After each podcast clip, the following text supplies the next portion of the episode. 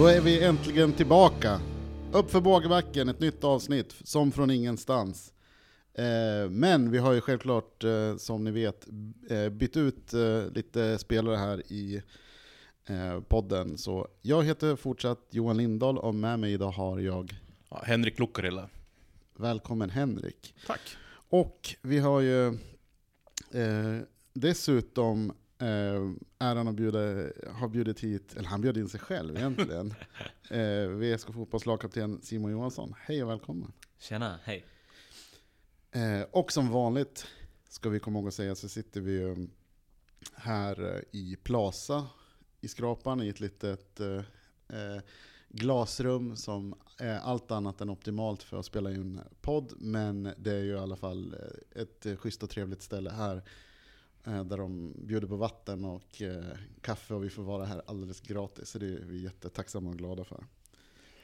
Är det vår första sponsor? Eller Det är enda sponsor? första och enda. Vi välkomnar eh, fler eh, sponsorer, men vi får prata spon sponsring lite mer eh, senare. Ehm, vi kommer att snacka lite med och om Simon. Vi kommer prata lite om Svenska Kuppen, om säsongen, om framtiden. Eh, men jag tänkte att vi börjar lite grann eh, närmast eh, dig Simon. Och jag tänkte dessutom att vi ska börja lite så här. Det här är ju liksom en podd om en väldigt seriös sak, VFK Fotboll. Men vi brukar liksom ändå, trots att det handlar om någonting seriöst, kunna ha ett ganska, vara lite tramsiga ibland. Men jag skulle faktiskt vilja börja med någonting ganska, eller lite seriöst sådär. Det var nämligen så att när vi började förbereda det här avsnittet så satt jag eh, och skulle leta lite artiklar om dig. Och det finns ju jättemycket artiklar om dig, lite, alltså både gammalt och nytt. jag sökte på ditt namn eh, i vårt textarkiv på anno 1904 och hittade ju hur mycket artiklar som helst. Eh, varav ungefär hälften är sådana här eh, typen av hyllningsartiklar som gör en lite generad liksom, nästan. Eh, och jag skulle gissa att många som lyssnar på det här avsnittet liksom, har läst mycket av de här artiklarna och känner dig på många olika sätt och så. Men jag skulle liksom ändå vilja läsa ett litet stycke ur en artikel från 2018 efter att VSK besegrat Linköping med 4-2. Så, som tar oss in i det här med vem du är. Så får du, det här är i alla fall någonting som någon av oss eh, har skrivit. Jag vet inte, jag tror inte det är jag, men jag vet inte. Um, tre mål och en assist talar sitt tydliga språk. Det blev i högsta grad Simon Johanssons match. Härföraren, kulturbäraren, killen som när karriären summeras kommer hamna mycket högt upp på listan över VSK Fotbolls största spelare. Han personifierar klubben och symboliserar kampen för avancemang. Vi ska vara mycket glada över att ha honom i klubben. Slutligen, vi vet inte eh, om 11 Simon Johansson skulle bilda det ultimata fotbollslaget, men vi vet att VSK utan en enda Simon är en avsevärt sämre, ett avsevärt sämre lag. Du har ju nyligen avslutat liksom, din tionde eh, säsong med VSK. Hur mycket betyder VSK för dig? Jättemycket. De, jag har ju alltid känt eh, stöttning från fans och ja, men från, eh, från sidan egentligen. Eh, det var väl i, när jag spelade min första match eh, som någon ropade att jag skulle lämna tillbaka tröjan. När jag slog två dåliga inlägg på rad. Eh, men annars så känner jag att jag har mest fått liksom stöd. Sen är det klart att det har varit vissa tyngre perioder, men men så kommer det alltid vara med oss fotbollsspelare, att man blir eh, kritiserad eller att någon tycker att man har blivit sämre eller så. Men eh, då får man jobba på. Men, men VSK betyder som sagt oerhört mycket för mig och eh, det är liksom vi har gått igenom så mycket tillsammans, känns det som. Eh, känns som ett långt förhållande som, som har blivit starkare med åren. Jag läste någonstans att du såg din första match som tioåring. Har du något minne av den matchen? Nu? Ja, alltså jag vet ju att jag var på Arosvallen mycket med min pappa. Ehm, men ja, det enda jag kommer ihåg det är när jag såg Andreas Ljunggren Eriksson när han var ung. Men jag vet inte hur gammal jag själv var då. Jag har inte riktigt räknat på det. Men det är han jag kommer ihåg. Att han spelade högerytter och, och vek in mycket och han var liten och snabb. Och det är liksom det tydligaste jag kommer ihåg därifrån. Och och såklart många läskiga äldre gubbar som eh, stod på läktaren och ropade högt och så här. Jag var... De flesta av dem är kvar fortfarande. Exakt. Men jag är inte lika rädd längre. Nej, det är jävla tur. Ja, Men ja, du, du nämnde din pappa, han är ju verkligen någon som tar sig in eh, överallt. Liksom. Eh, Mm. Vi var i, eh, i Göteborg då, i Svenska cupen semifinal. Och det var jag och Peter Sandberg från Anno. Eh, och så var det väl två från VLT. Och så var det kanske en handfull göteborgare på läktaren. Och så var det Olof Lund. Och så var det din farsa. Mm. Hur fan går det till? Han är bra på att snacka. Men han, han frågar mig hela tiden, kan inte jag bli fystränare för ert lag? Eller får jag åka med i bussen, spela bussen? Jag bara, men är du dum eller? Alltså, sätt inte din fot där när jag är där liksom, Mm. utan han kan få bli materialare eller någonting när jag har lagt av, liksom, Mm. om man känner för det. Men, men han vill verkligen in och han vill vara nära. Och han, vill, han vill alltid prata fotboll och höra om laget och hur det går. Han vill analysera.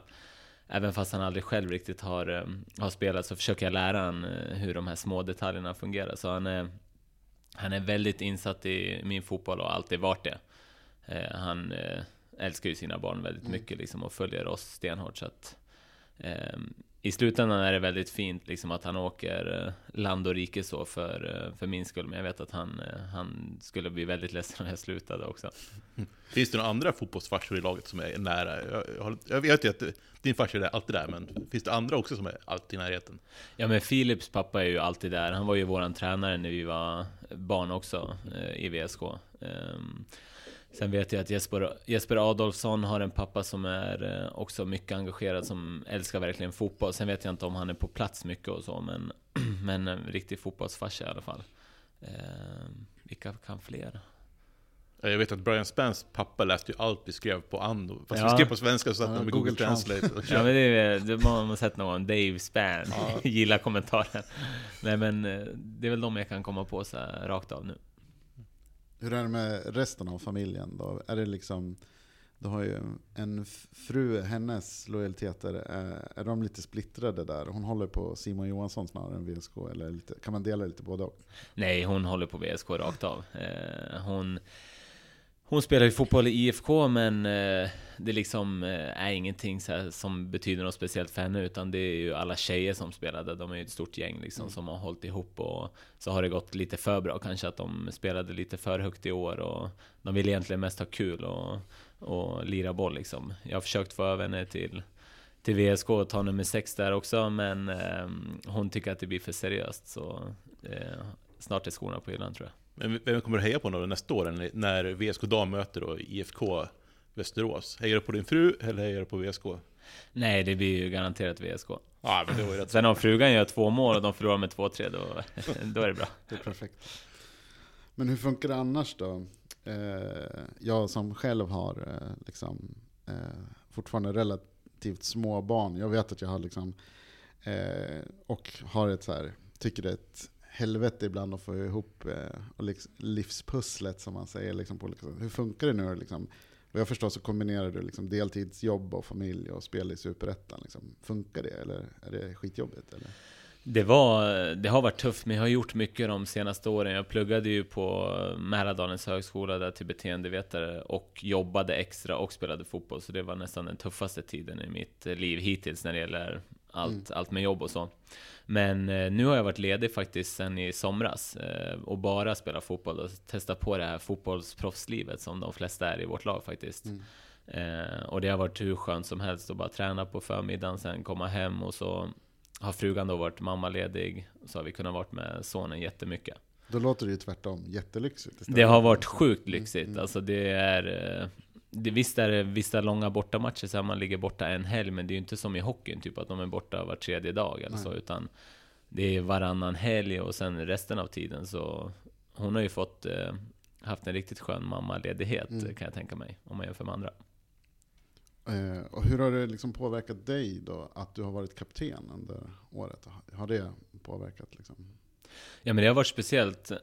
Jag vart ju tillfrågad där när Sean lämnade. Det var ju ganska tight in på seriestart och jag har aldrig känt mig själv som en riktig kapten. Jag har alltid tackat nej till frågan förut för jag liksom, jag vet inte varför jag, jag bara inte velat haft eh, binden på mig av något, någon anledning. Jag tycker de som har haft det har gjort det så bra. Kalle Svensson, Boris och Ilir och så. De alla har inspirerat men jag har aldrig känt att jag har velat det för, förrän nu då. Eh, det är klart att det var speciellt när det kom så tajt in på, på seriestarten och eh, en av de grejerna som är lite speciellt, att man ska hålla tal innan varje match. Eh, jag gillar liksom att fokusera på bara mig innan match, sätta mig och lyssna på musik, eh, eh, dra på mig skorna och liksom eh, tejpa benskydden. Inte tänka, vad ska jag säga nu? Och alla kommer bedöma mig efter vad jag säger och så. Eh, så det vart liksom ett till moment där som var lite störande. Och plus att det gick ganska tungt under eh, våren när jag var kapten och jag vill inte bli spela min tionde säsong, dra ner klubben i division 1 och så var det jag som liksom var ledare för det laget. Så att eh, det var ju skönt att vi kunde ändra på det under hösten och liksom få till ett bättre spel. Hade du något så här episkt tal i omklädningsrummet som du kommer ihåg? Så här, som du kände att ah, men det där satt? Jag skulle inte säga att jag är någon så här riktigt episk talare, men eh, något har man väl fått till bra där det liksom eh, klickar hela vägen och så kan man säga nu går vi ut och kör över dem och så känner man att det, att det är god stämning. Men det var väl kanske inför någon av de här matcherna där det verkligen var ja, men kniven mot strupen, typ Akropolis borta kände jag att jag tror vi låg väldigt lågt ner, kanske nästan sist eller ja, i botten i alla fall. Det har vi gjort hela timmen. men verkligen på ruinens brant och så då fanns det så mycket bra grejer att säga också att det finns inget kvar att förlora utan nu måste vi gå ut och vinna annars åker vi ur den här serien. Det vill, det vill ingen göra. Men du är ju lite av kniven mot strupen-spelare. Du är ju bäst när det som det gäller. Jag tänker på i år när det var Svenska cupen och utslagningsmatcher. Alla de här höstkriserna som har haft. Då har ju du stått där och levererat. Är, är du bäst när det gäller som mest? Känner du själv eller?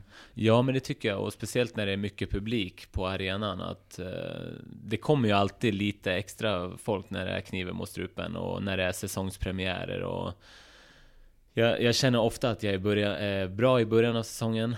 Tappar där på sommaren någonstans. Eh, kanske är liksom att att det kommer mindre folk och det blir liksom den här serielunken, det blir inte lika speciellt och man liksom tappar den där lilla edgen som man har när det blir liksom mycket publik i början och eh, det här kniven mot strupen. Så att jag tror jag behöver det här. Eh, jag hade varit jävligt bra i Premier League tror jag, om jag hade fått, ja. fått chansen där. Jag behöver nej, liksom den här hetsen. nej, men, eh, nej men så har det alltid varit med mig och, och jag, för mig är det en jättepositiv egenskap att, att man kan mm. kliva fram när det behövs som mest. Sen skulle jag önska att jag gjorde det Kanske lite oftare än bara när det verkligen är så kniven mot strupen. Vi ska börja gå igenom året lite grann. Um, och jag tänker så här att vi ska börja med um, lite grann om det här med Svenska Kuppen. Alltså, det känns ju som jäkligt länge sedan nu. Men hur värderar du framgångarna i Svenska Kuppen idag? Har de, betyder de någonting nu? Ja, men det är klart att det var att det var jättestort där och då. Och typ när vi slog Malmö och jag fick göra avgörande mål. Liksom, det var ju jättestort. Sen spelade de Champions League nu och vi var nära på att åka ur division 1. Så det, liksom, det känns så långt bort. Mm. Eh, men de framgångarna var ju enorma.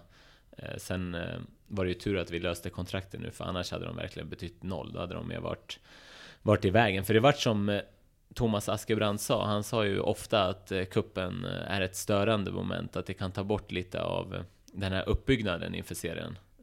Och det gjorde den faktiskt med facit i hand. Att vi fick Pedro som är enligt mig vår bästa spelare. Han blev skadad tack vare kuppen tror jag för att han var helt slut när säsongen skulle börja och så mycket kanske man inte ska belasta under en försäsong som det ändå är när det är Svenska Kuppen. Så att eh, vi är jättestolta över det men eh, det är skönt att vi inte är med i år, för då har vi chansen att verkligen bygga upp och, och pika när det kommer till april och maj och juni och sen liksom köra på därifrån. Men det var liksom de alltså uppladdningarna, de fysiska förutsättningarna liksom på något sätt. Så träningsmässigt, det var inte psykologiskt att ni liksom tänkte så här, vi Malmö eh, vad var det, vi ska till Tirana och spela final i Europa Conference League. Och sen liksom, så det var inte något sånt att ni tänkte så här. Alltså för jag vet, det var ju, ni var ju, ja vi kommer in till det, på det sen, jag ska inte gå händelserna i för, förväg. Men, eh, Eh, men hur, om man då säger, nu har du beskrivit hur känslan är idag och vad du tycker om det. Men då precis när ni åkte ut, när ni liksom förlorade mot Häcken, var det, en, var det en förlust som var lätt att skaka av sig? Eller gick man liksom och tänkte så här, fan alltså vi hade ju kunnat gå till final? Eller, eller var det bara, nu är det säsong? Ja men där och då, när vi åkte ut mot Häcken, tycker jag det var jättetråkigt att vi inte kunde gå vidare till finalen och liksom fullborda hela resan. För att det var ju häftigt att komma till semi, men eh, det betyder ju ingenting ändå om man inte kommer hela vägen och vinner, för det är ju det som hade varit det här häftiga, liksom underdogen som slår hela vägen fram. Men, men just det här mentala så vi var nog mer slutkörda fysiskt eh, än mentalt. Vi hade nog fått, eller jag hade fått jättemycket inspiration och drömde om allsvenskan när vi kom så långt och liksom kan vi slå Malmö och ändå vara liksom hyfsat jämna med Häcken även om de vann med 3-0 så så liksom tycker jag att vi borde ligga långt fram i Superettan. Eh, men sen blev det ju som det blev och liksom starten där på säsongen blev inte som vi hade tänkt oss. Men jag kan ju samtidigt känna att från ett supportperspektiv tyckte jag ändå att det som hände i kuppen var ganska viktigt. Alltså för självkänslan. Så nu har vi varit i botten av Superettan flera år. Och visst hade man ju högre förhoppningar för den här säsongen, men att ändå ha chansen på ett Europa-äventyr, det är ju häftigt. Och det här är ju den, den största sportliga framgången som VSK haft sen ja, men vi gick upp i Allsvenskan. Ja, så det är ju liksom, i mina ögon så är det ju stort. Och fortfarande kanske en av säsongens höjdpunkter. Jag tror det är så lätt att bara sudda ut allt efter att säsongen inte blev som vi hade tänkt oss. Men när man kanske får vänta två, tre år och förstå hur svårt det är att liksom slå Malmö borta, eh, då tror jag att eh, man kommer vara mer stolt över det ögonblicket och att vi gick hela vägen så där långt. För det var ju en riktig hype då när vi slog ut Degerfors liksom och fick, fick möta Häcken och hela svenska folket fick kolla på lika fint som vi kollar på VSK. Ja, men jag kan känna att det som är tråkigt med Svenska cupen är att vi inte hade publik på plats. För jag tror att det hade varit en riktigt häftig upplevelse, till exempel mot Degerfors eller Häcken borta. Liksom, att ha flera busslaster med människor som får den här finalkänslan som kanske upplever bara om det är ett dramatiskt slutspel eller eh, ja, men kanske en band-SM-final. Liksom, mm. Där vi bara lassar folk iväg. Så jag kan känna mig lite berövad av upplevelsen där, men sportsligt så det, håller det väldigt högt.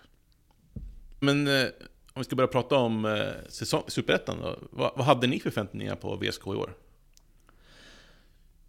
Mina förväntningar var att, eh, att vi skulle ligga med i toppen eh, och liksom slåss för en allsvensk plats. Det var, det var det jag tänkte och när folk ändå tippade oss ganska högt så fick man ju ännu mer så här att man, man trodde på det och att vi verkligen skulle kunna vara där uppe hela vägen. Mm. För det, det, tyckte jag liksom att vi hade det laget för att, för att vara där. Sen, sen var det ju en tuffare start än vi hade tänkt oss. Vad tyckte du då Johan? Hade du några så här jag såg ju själv nu när du summerade hur vi hade tippat, mm. att jag tippade ju VSK som sjua. Och då tänkte jag, haha, alla andra tippar mycket högre. Nu lägger jag mig riktigt lågt. så. Så, ja. Ja, jag, jag, jag trodde faktiskt åtta. Jag, jag trodde det fanns en risk för en viss överskattning just på Svenska Kuppen. Men jag kände också att eh, på pappret så värvade det inte så starkt inför säsongen. Alltså det var ju flera spelare som kom in, men det var ju från division 1 och man visste inte riktigt vad man hade dem. Och, det var ju liksom samma stomme från eh, förra året. Så det, ja, jag, kände att de andra eh, lagen var lite starkare. Så jag trodde att det skulle bli ungefär som förra året. Men jag trodde faktiskt inte att det skulle gå så dåligt som det gick. Jag hade ju med mig höstens eh, föregående höst som var riktigt bra. Mm. Som jag tänkte att ja, men vi har kvar Prodell och vi liksom kommer fortsätta och, och köra på. Och, vi har fått spela ihop oss lite mer och så. Så det var det, det var det som la grunden. Inte bara att vi gick långt i Svenska Cupen och jag bara hypade upp hela laget själv. Då, jag tar på mig lite det också eftersom jag i den här Allt man behöver veta inför Superettan 2021 eller något sånt där skrev att eh, Troné och Prodell inte skulle gå mållösa från en enda match tillsammans. Ja. Så det kan ju vara jag som jinxade ja, allting. Det har ingenting med deras egna prestationer att göra. Utan... Men men, men, mm, ja, men om vi kollar på säsongsinledningen, så efter åtta omgångar så ligger vi ändå femma i serien. Mm. Och ändå finns det en besvikelse i VSK där och då. Vi hade fått flera röda kort och sådär. Mm. sådär liksom. Hur resonerar du där med runt omgång 8-10? Kommer du ihåg det? Liksom att, var du nöjd med resultatet eller var du besviken? Eller? Nej, men jag, jag kollade faktiskt tillbaka på de där första omgångarna mm. igår eftersom att jag visste att jag skulle komma hit och prata. Och då då såg jag att vi hade AFC-krysset, det var ju en besvikelse. Eh, så hade vi Guys, eh, det var nästan förlust va? Eh, och där liksom Guys borta, vi, vi ägde den matchen tills vi fick rött kort. Och då tog ju de över såklart. Eh, och sen vann vi hemma, det var bra. Och sen var det kryss mot ÖIS borta och den matchen hade vi också, alltså ägde verkligen den matchen tills rött kort igen. Och samtidigt blev det ju hackigt för att Täti var ju en, tycker jag, en av de viktigaste spelarna då med sitt eh, engagemang och ledarskap på planen. Sen tog han rött kort, det var inte bra, men han liksom var en ledare med sin spelstil. Och han, eh, han personifierade lite Thomas eh, sätt att spela fotboll också, så han var väldigt viktig för laget. Så därav fick vi inte de poängen vi borde haft. Vi borde haft sex poäng där och då hade vi kanske ledig serien vid den perioden istället. Så jag tror att det var därför man kände att det var en liten besvikelse när man kom till omgång 8-10 där. Mm. jag tänker på Tätti och hans tre röda kort. Hur hanterar man som lagkaptenen en sån situation? Liksom? Går man dit och skäller eller får tränarna ta hand om den biten?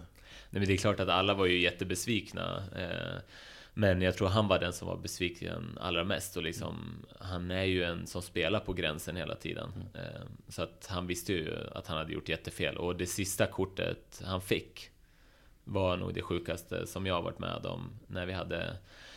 Eh, när han sa, till, han sa till någon i vilket lag mötte vi då, kommer jag inte ihåg. Men eh, han sa i alla fall till spelaren typ att eh, han kommer missa den här straffen. Och då trodde domaren att han sa någonting till honom. Så då visade han ut honom direkt.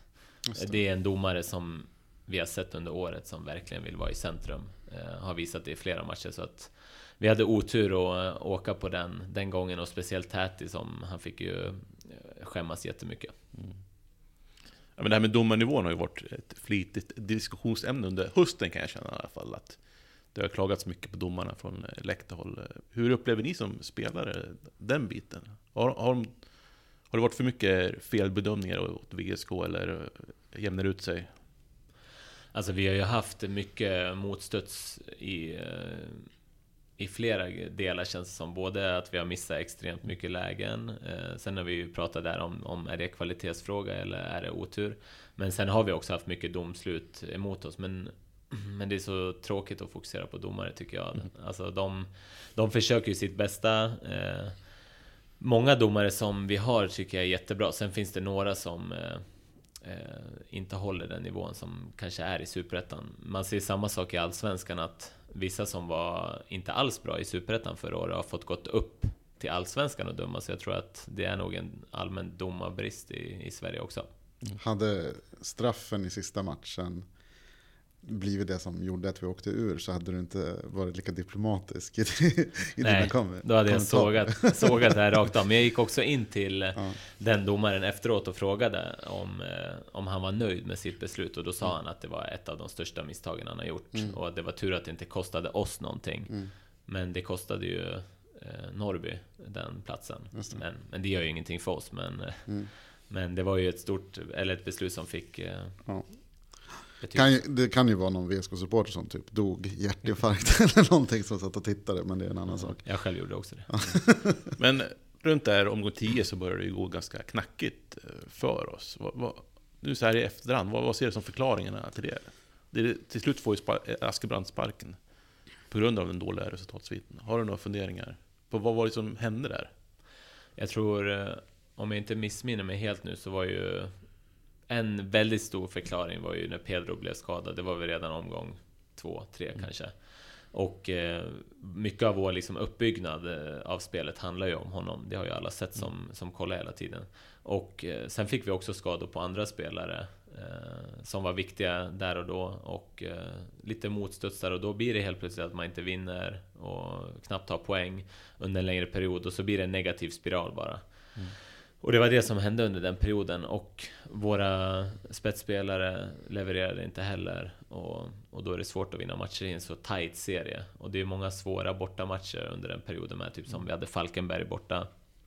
Eh, där fick vi också åka buss på samma morgon, det var lite rabalder kring det. Men eh, det var flera grejer som var tufft under den perioden och man, man längtade bara till semestern för att liksom få återhämta laget och, och försöka ta nya tag. Mm. Men vi har ju haft några svackor de senaste säsongerna, speciellt under sommaren. Alltså jag tror att det har nästan varit varje år sedan 2016, som jag började följa VSK mer intensivt. Är, är vi dåliga på sommaren rent generellt, eller har du några tankar kring det? Ja men det, är ju, det har jag också analyserat och det har varit så flera. Det har varit eh, så tidigare också i division 1 tror jag också. Så det har liksom alltid hängt med och jag vet inte riktigt varför, varför det blir så. Det är någonting som Eh, Kalle och Rubin och Herman då får analysera nu och se till att eh, nästa sommar då då ska vi försöka vara starkare och, och ta flera treor då så kanske vi kan haka på i mitten och uppåt. Mm. Ja, jag, jag, tror att intresset för VSK rent generellt går ju ner någonstans där, även från supporterhåll, kring juni. Och det, jag tror det dippar också lite med hur laget presterar. Så det, jag vet inte, det är kanske lite till oss supportrar också att hålla ut efter de här första omgångarna. Det brukar ju vara stark uppslutning i de första matcherna, sen, sen dör det här breddintresset kanske. Ja, ja men exakt. Och vi får väl, eller klubben får väl se till att också locka på något annat mm. sätt. Kanske så här gå två för en eller mm. göra någon sommar eh, bjuda på en välkomstdrink när de kommer eller? Ja, absolut. Ja, välkomstdrink, då är jag... då kommer alla. Ja, då kommer alla. Ja, eh, vi gjorde också ett sommarfönster. Det var ju rekordmånga spelare som lämnade och kom in. Har du några tankar kring det?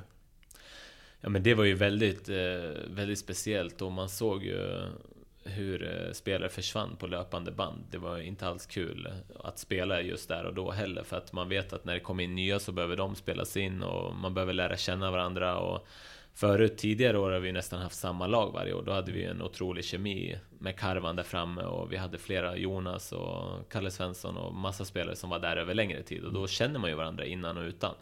Så att, eh, att det skulle komma in helt nya spelare och ut eh, massa spelare som var riktigt duktiga var ju, det var ju supertufft under den perioden. Sen förstår man ju i efterhand att vi gjorde ju det för att eh, liksom överleva rent ekonomiskt, men, men där och då tyckte jag att det var alldeles för många. Och det, det tycker jag än idag också, mm. att det vart ju... Det funkar ju inte att och liksom spela bra när man byter ut så många spelare. Ja, jag gick ju faktiskt igenom och kollade hur många spelare vi har startat i år. Det var 29 stycken mm. i startelvan. Det är ju rätt många. Eller 29 stycken totalt tror jag. Men det är, ändå, det är ju klass med eh, Syrianska. Det är bara de som har varit värre än oss i tre år. Och sen har Brage haft samma lika mycket i Superettan, men aldrig annars har ett lag i Superettan omsatt så mycket spelare som vi har gjort. Så det är ju lite anmärkningsvärt. Ja, och det är ju en sån grej som eh, betyder jättemycket för ett lag. Kolla på Halmstad och Degerfors förra året när de gick upp i i Allsvenskan, alltså använde de ens 13 spelare. De hade samma startelva kändes det som varje match och samma gubbar som levererade hela tiden.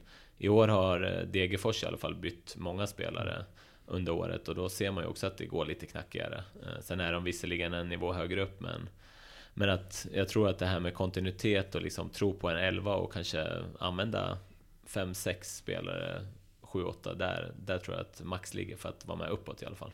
Mm. Men samtidigt så kommer det in ganska bra spelare i sommar.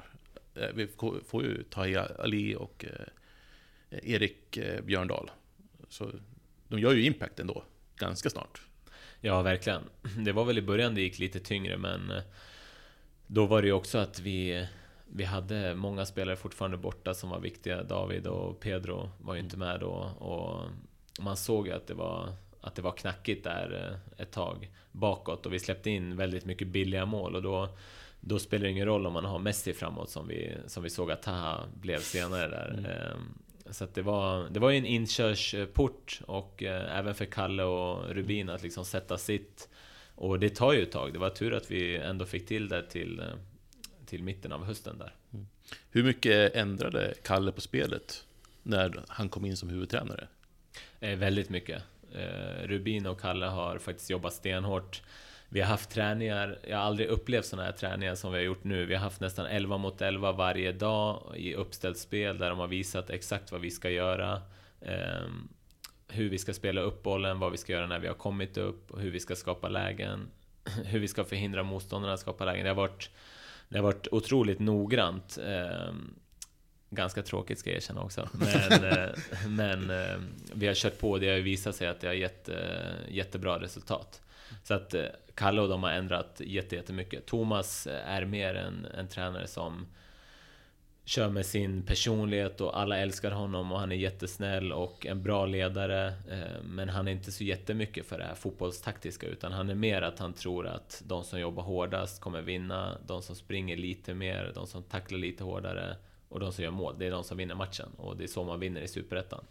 Medan Kalle och Rubin är mer så här vi ska spela ut motståndarna, det är så vi kommer vinna matchen. Så det är väl den stora skillnaden skulle jag säga, dem emellan. Den, eh, så som du beskriver Askebrandt, så har ju, med den taktiken har ju VSK tagit sig till Allsvenskan ett par gånger tidigare. I alla fall, så det går inte att döma ut den helt, även om jag är glad över den förändring som har skett. Eh, Ja, men det, det som är problemet med den taktiken, det är att man måste ha bättre spelare än alla andra. Eh, typ Malmö spelar ju, de har ju ingen speciell fotboll, men de är ju så mycket bättre på alla positioner än sina motståndare, så de vinner ju ändå. Men om man är typ en klubb som VSK är nu, med lite mindre pengar och som typ Östersund var där en gång i tiden och Degerfors gick upp på, så, så behöver man bygga sin egna identitet och och hitta liksom ett spel som passar spelarna perfekt och som gör att man kommer vinna matchen ändå. Eh, sen i takt med det kan ju föreningen liksom eh, bygga igång ännu mer och, och få in ännu bättre spelare så kommer eh, vi kunna göra den här modellen ännu bättre hela tiden. Så det är ju det är så man får tänka och bygga det tror jag. Det låter som du tror på det som händer nu i alla fall. Jag tror stenhårt faktiskt på de här tränarna. Eh, sen hoppas jag att vi inte bara spelar 11 mot 11 eh, på alla träningar nästa år, men eh, jag tror verkligen på det de bygger och det blir spännande nu också att se vad det kommer in för nya spelare här under, under vintern. Mm. Vi har ju fått in Herman Ottosson som ny sportchef. Vad tror du om hans eh, potential här då, som att eh, styra hem nya intressanta spelare? Ja, det blir spännande att se faktiskt. Han har ju ingen liksom, jättestor erfarenhet av det. Eh, så att eh, jag sitter som eh, er med liksom, nypoppade popcorn och väntar på att se vad som ska hända och vad han kommer satsa på för någonting. Eh, så Eh, det blir, det blir spännande att se, men som sagt så har han ju inte så mycket erfarenhet, men han har ju ett otroligt engagemang och han tänker ju fotboll på på liknande sätt som eh, Kalle och Rubin gör. Så att eh, jag tror de, de kommer få ihop något bra. Mm. Det tog ju några matcher innan ni började leverera efter tränarbytet. Det var ju tuff svit där. Min känsla är att det svängde lite när David Engström kom tillbaka och Pedro Rebi gjorde några matcher också. Vad är din analys? Delar du den eller har du inte andra tankar kring vad som gjorde att det vände till slut? Ja, men jag, jag håller med den helt. Alltså David David är ju fantastisk på, på det sättet att han, ingen vinner ju en duell mot honom. Man får liksom den här stabila tryggheten bakåt, speciellt defensivt, där han är eh, otroligt stark i liksom dueller och nickar bort allt som kommer in i straffområdet och liksom man kan verkligen lita på honom bakåt. Mm. Och det måste man kunna göra när man kör tre backar där bak, för att man vill ändå kunna trycka fram wingbacksen som ska kunna vara ganska offensiva.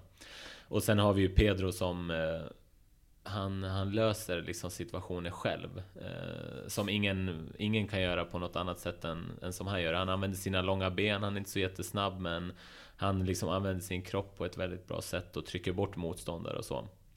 Så att eh, de två betyder ju oerhört mycket för hela, vår, hela vårt spel. Eh, så det, den analysen håller jag med om, att, mm. att det var liksom då det började vända. Det har ju även varit mycket snack om Örebrolånen, Tai och eh, Björndal. Vad, alltså, är det att de är samspelt, att de har, är det därför de har levererat, eller är det mer deras fotbollstekniska kunskaper som har gjort att de har varit så bra att de har varit? Jag tror mer att det är faktiskt deras eh, fotbollstekniska kunskaper, mm. liksom, för att de har ju haft en jättebra kemi på matcherna, och, men samtidigt han är ju, Björndal har ju varit ensam forward, så mm. den spelaren som Taha har kunnat hitta mm. har ju varit Björndal och han, Taha har gjort det helt fantastiskt och det har Björndal också gjort.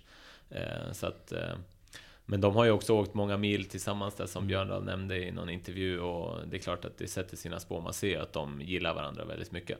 Mm.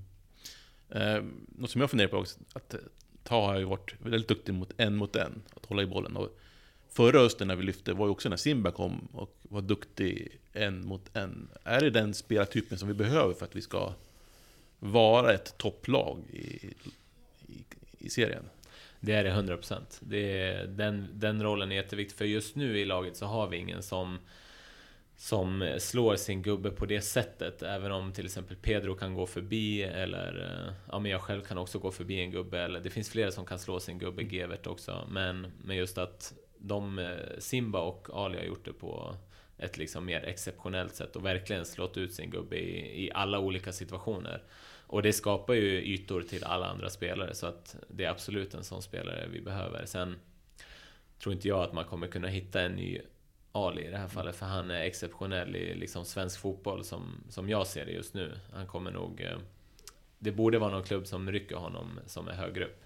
Men eh, men det är ju bra om vi hittar någon som, som kan liksom bidra med liknande egenskaper. Och sen, sen får vi bygga vidare vårt spel ännu mer så att vi, vi inte ska bli helt eh, ja, men beroende av att bara en spelare ska göra sin gubbe. Utan man ska kunna spela förbi på andra sätt än att någon dribblar.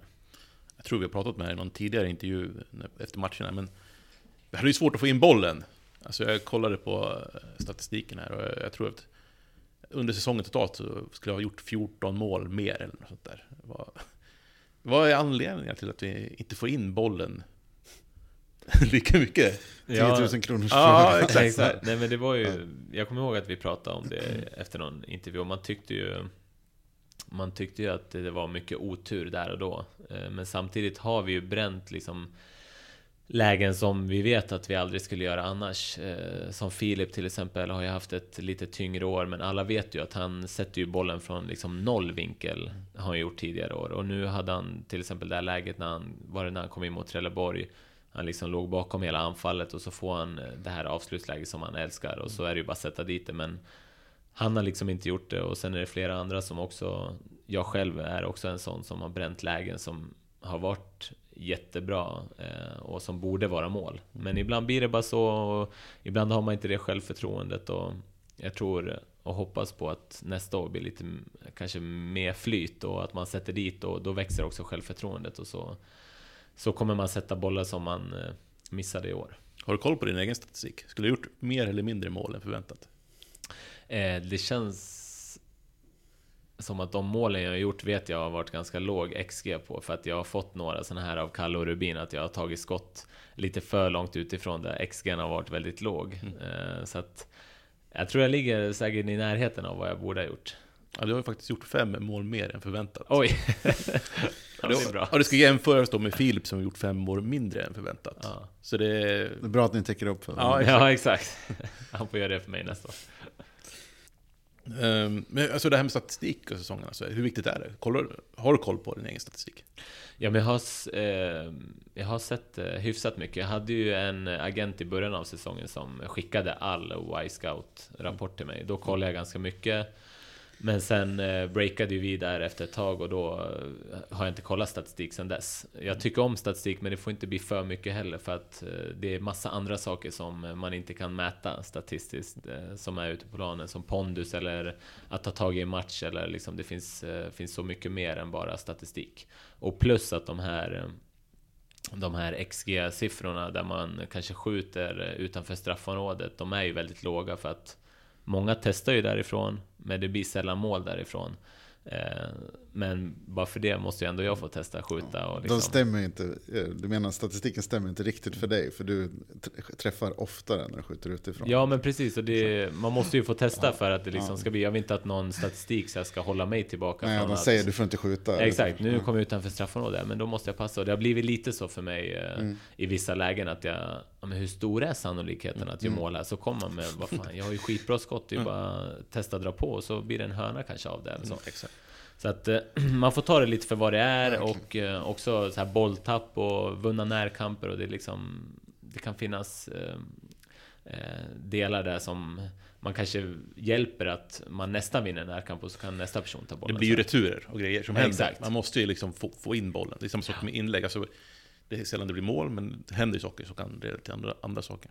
Precis. Det blev ju lite tufft där på slutet ändå. Vi, vi spelar ju fantastisk fotboll i mina ögon de där sista tio matcherna av, av säsongen. Vi vinner och vi är ju helt obesegrade sedan i september, men jag kommer ihåg eh, sista matchen hemma och eh, vi spelade oavgjort mot eh, Trelleborg. Alltså du Kalle, ni var ju nästan knäckta efteråt liksom. Att få åka till en, hur, hur var känslan där? Nej men det var ju jättetufft för jag hade liksom jag tycker att vi har haft eh, lätt för Trelleborg hemma de senaste åren, så jag hade liksom byggt upp också att den här matchen kommer vi vinna. Mm. Så kanske jag som jinxade lite i mitt huvud. Mm. Men jag kände liksom att vi, vi, har, vi kommer runt mycket på kanterna. De är inte så bra på att skydda kanterna, utan de skyddar mer i mitten. Eh, Så att det här kommer passa oss. Eh, Och vi gjorde ju en supermatch och hade ju Helt solklara lägen. Jag tänkte ju första när eh, Dusan fick en långboll och han nickade den jättesnyggt till Björndal och, och han fick en vänstervåffla som inte blev så bra. Eh, och då kände jag bara så här, ska det bli en sån här dag nu, där vi liksom missar såna här lägen? Och, och till slut blev det ju det. Vi fick ju aldrig riktigt in bollen, även fast vi var mycket bättre än dem. Och det är klart att det var jättetufft att vi skulle åka ner till Helsingborg då och kanske veta att vi, vi behövde kvala mot eh, Skövde som inte är så roliga att möta. Ja, men Johan, jag vet ju att du var ett nervvrak sista veckan. Hur, hur gick tanken hos det, jag tänker på annat. Jag jobbar ju så. Jag, jag var inte ens på plats Nej. då. Men, eh, så jag har någon sån här avstängningsmekanism som vi inte behöver prata om. Jag var inte med där 2010 när vi gick upp och jag liksom jobbar så. När det är så här riktigt allvar, då får du vara där Simon. Så kan jag liksom försöka koncentrera mig på något annat. Nej, jag, jag, jag, upple- alltså jag var inte alls orolig. Alltså jag, jag tyckte vi hade spelat en fantastisk fotboll. så Jag tänkte att nej, men, eh, vi kommer fixa det här mot eh, Helsingborg.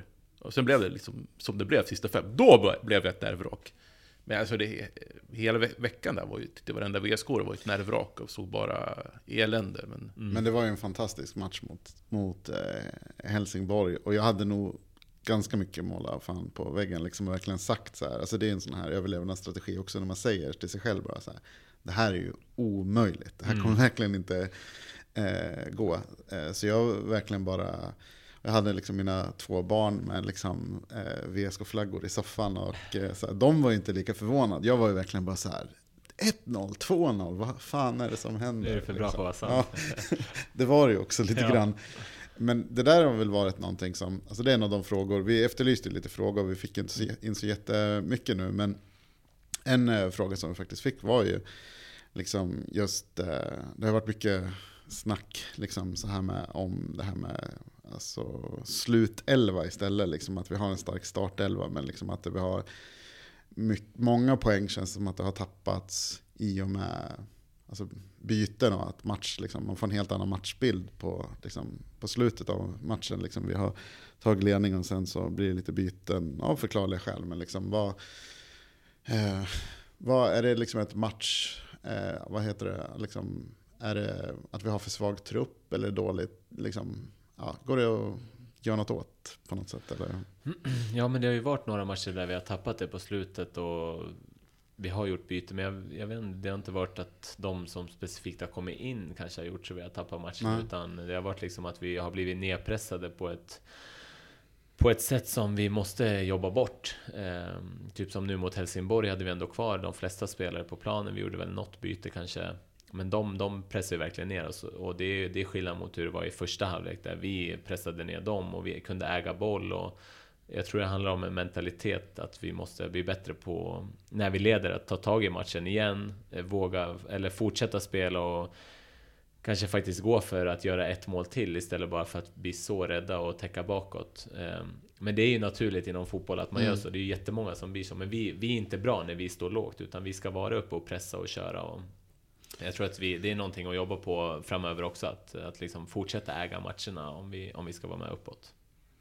Men är det inte det här med att vi varit tappat på slutet? Jag kanske känner att eh, David Engström kanske hade behövts där. Alltså bara kunna vara den där som rensar i luften. För det är ju där vi har kanske varit på en hörna som blir lite tilltrasslat så har det bara blivit mål på en skitsituation. Ja, nej men det stämmer. Det är ju exakt det han är mest till för, Ja. David. Att, att han är ju en sån stabil, eh, trygg punkt bakåt. Man har ju själv kommit ihåg det när, när man har mött han i Örgryte. Att det, det krävs mycket. Det kräver ett, kräver ett dåligt XG-läge för att eh, göra mål om David är på planen. Det räcker inte med att bara lägga in den i boxen, liksom, för då kommer han ta bort den. Och jag håller med dig där till 100% att det var det vi saknade. Exempelvis Brage borta. Då hade han varit där så han hade tagit bort varje inlägg. Eh, och sen samma i det här skedet eh, i Helsingborg-matchen. Jag tycker inte de skapar så mycket farligheter egentligen, utan det blev ju en hörna som blev tilltrasslad och så gjorde de målet och så trycker deras publik på ännu mer och de kan också trycka på ännu mer och så, så har de liksom matchen i, i sin lilla ask eh, istället för att vi har någon spelare där nere som kan ta bort allting. När det står 2-2 så blir vi ganska stillastående och bara passar runt. Hur gick tankarna hos dig då? Och det var mycket tankar. Eh, Först tänkte jag på Sverige-Danmark när de slog ut Italien. när de bara stod och höll i bollen. Eh, Och sen så väntade jag på, bara på att Kalle typ skulle ropa att Akropolis har gjort mål. Ni måste springa fram, för då hade det blivit världens hets. Mm. Och samtidigt spelade vi bara A-matchen och man ville bara få det gjort så att uh, man kunde se hur det, hur det skulle bli för oss. Och det var, det var jättemycket tankar som, uh, som snurrade i huvudet och, och Kalle stod också och ropade att vi skulle löpa i djupled och sånt där och jag bara mm. Vad ska vi göra det för? så att han så ville var... fortsätta matchbilden. Ja, för det, för det kunde ju ha blivit katastrof också. Det kunde ha blivit. Det var ju högt spel vi hade ja. där. Jag hörde också från frugan att uh, Akropolis hade de var liksom på G framåt och de hade kunnat fått in ett mål och då hade det blivit eh, århundradets panik. Mm. Ja. Eh, tiden går. Okay. Är det no eh, vi klarar det? Ja, jag har en sista fråga om ja, året. Gör det. Eh, men jag tycker att vi, vi snackar ju mycket och recenserar er spelare och vi har mycket åsikter. Men hur, vad tycker du om supporteråret 2021?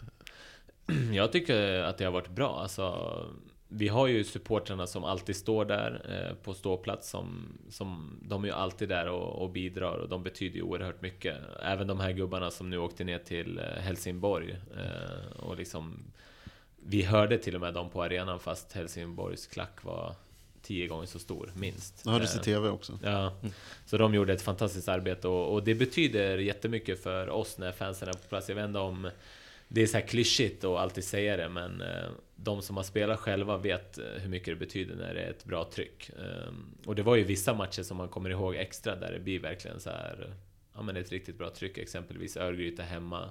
Det är ju en riktigt fin match ehm, med riktigt bra hemmasupport och även borta supportrar som också ropar mycket och det blir, det blir liksom en helt annan inramning. Så att nästa år, då är det bara att locka så mycket publik som möjligt för vi vet att gubbarna på stå kommer ju vara där, men eh, vi behöver de här eh, allmänna som kommer också och, och säger oh när man skjuter eh, på mål eller nära, då, då blir det lite extra tryck.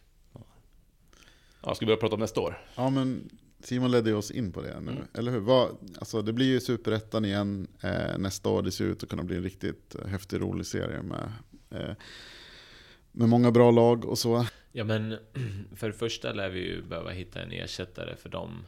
Eller för Taha framförallt. Mm. Eh, eh, för att han, är ju, han har ju varit riktigt duktig och man har ju sett vad det har betytt för oss att ha en, en så duktig spelare. Så att där hoppas man ju att eh, de kommer hitta ett liknande guldkorn.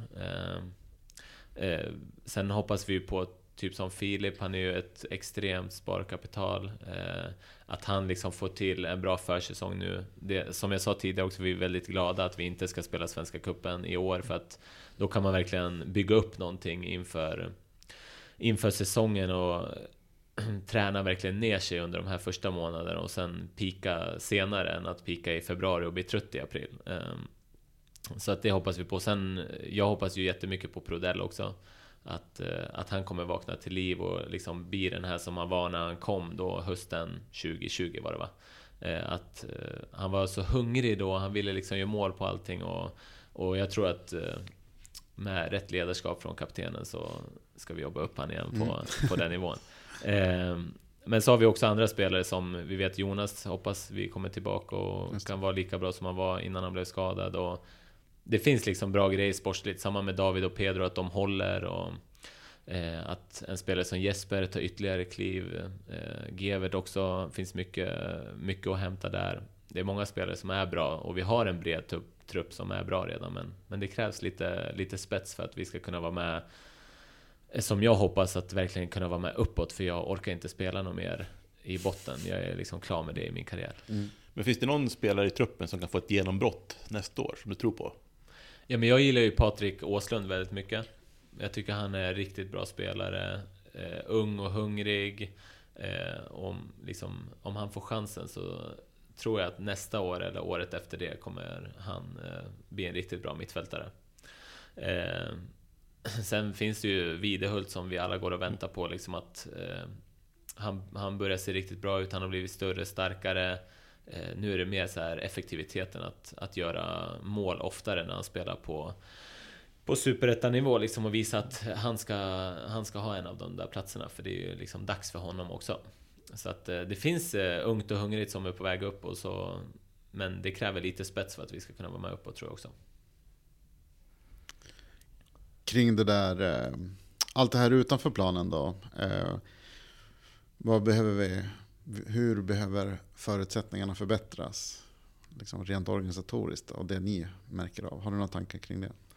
Ja men nu är väl, nu är väl nästan hela VSK så här nedmonterat eh, Om jag har förstått det rätt och liksom det är ju inte Det är ju väldigt få kvar på kansliet och Det behöver ju byggas upp igen och få För man ser ju det på klubbar som är högre upp och De här klubbarna som har lyckats att Det är ju liksom ett lag utanför planen i styrelserummet och de som jobbar på kansliet som eh, kommer leda det här laget framåt. Eh, så det, det hoppas jag att styrelsen kommer bygga upp igen och liksom att vi får till ett väldigt bra år utanför. Ehm, där är också så här sponsorintäkter har vi ju pratat om tidigare att att det, det behövs ju verkligen höja på sponsorintäkterna för att vi ska kunna vara med uppåt och slåss. Ehm, man blir ju lite så här ledsen när man ser att VIK Hockey kan eh, få in liksom 20 miljoner och så sitter vi där med 3-4 eh, bara fast vi är på samma nivå och känns som att vi har minst eh, lika stort intresse kring vårt lag. Och fotboll är också en större sport som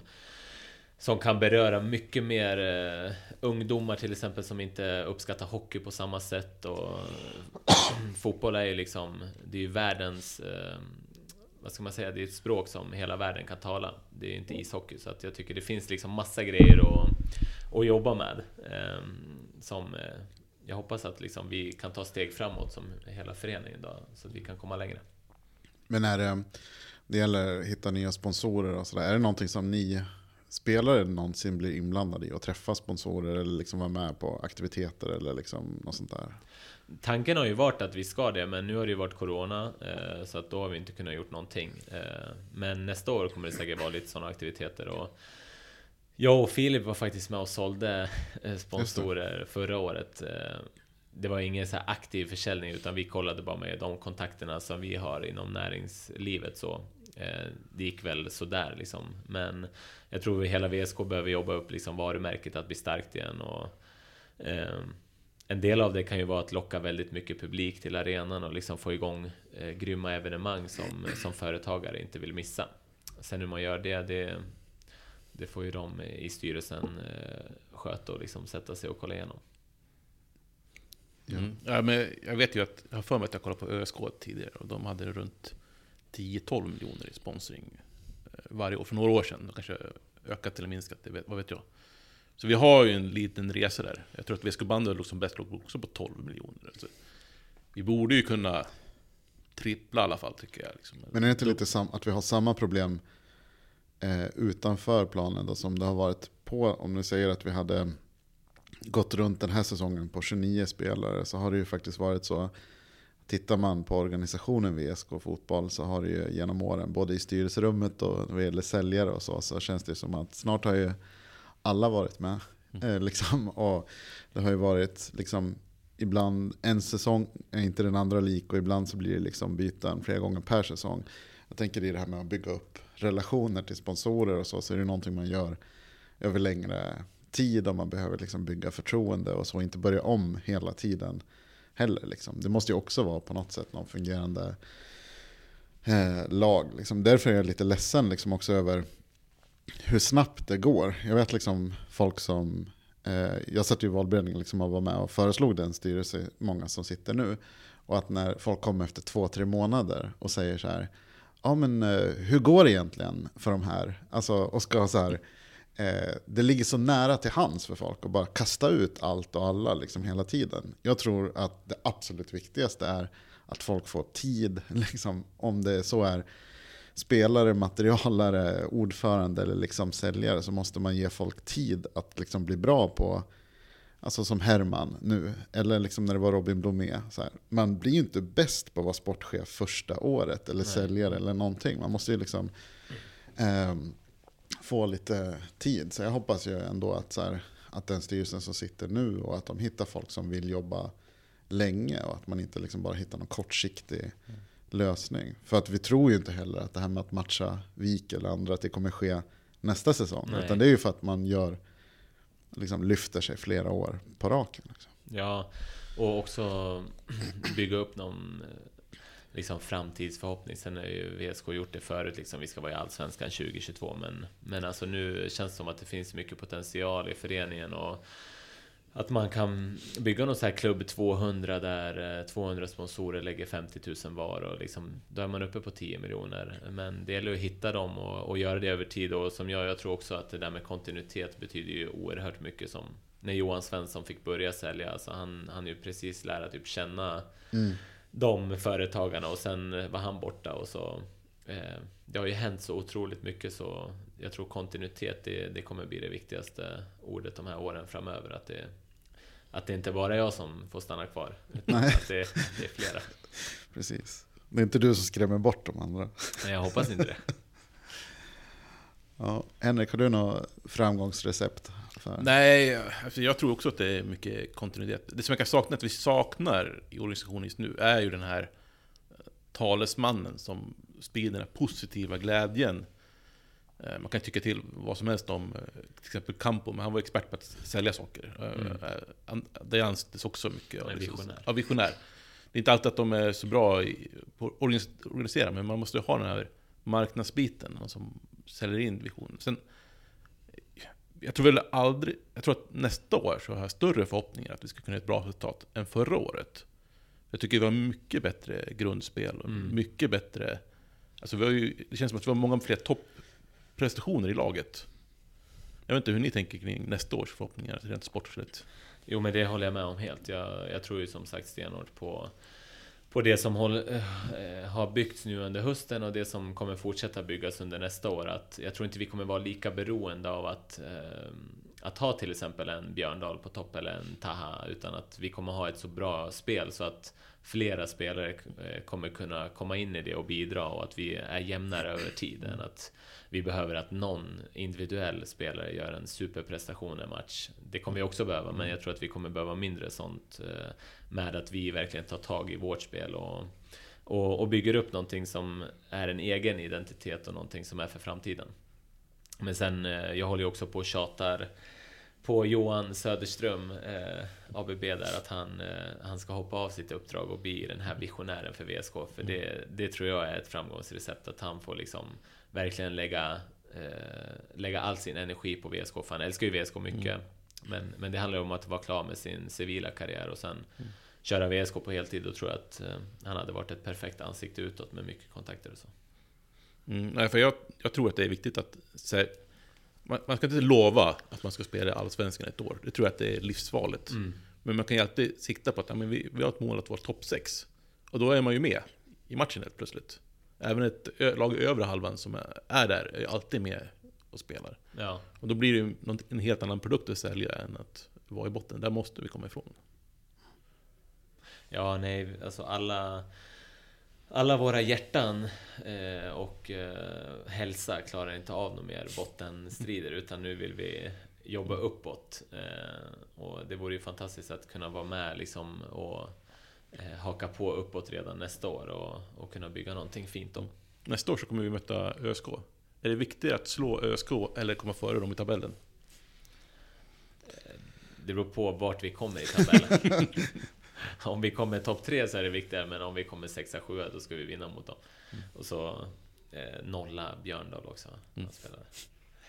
Ta honom lite extra mm. hårt då. Ja, det kommer David ja. se till. Vi har pratat en timme. Mm. Vi har hunnit med jättemycket tycker jag. Eh, men eh, det här kan vi ju göra om. Eller hur? det, det, känns som att det finns minst en timme till ja, i det här. Men vi kan ju eh, eh, hoppas att eh, podden inte bara har ett, det här som ett bonusavsnitt eh, utan att vi faktiskt återuppstår och kan fortsätta köra. Då eh, får vi väl hoppas att vi får eh, snacka med dig inför den både 11 och 12 eller nu blir det inför 11 men inför 12 och 13 säsongen eller någonting också. det blir spännande. yes, ja, men tack så jättemycket Simon.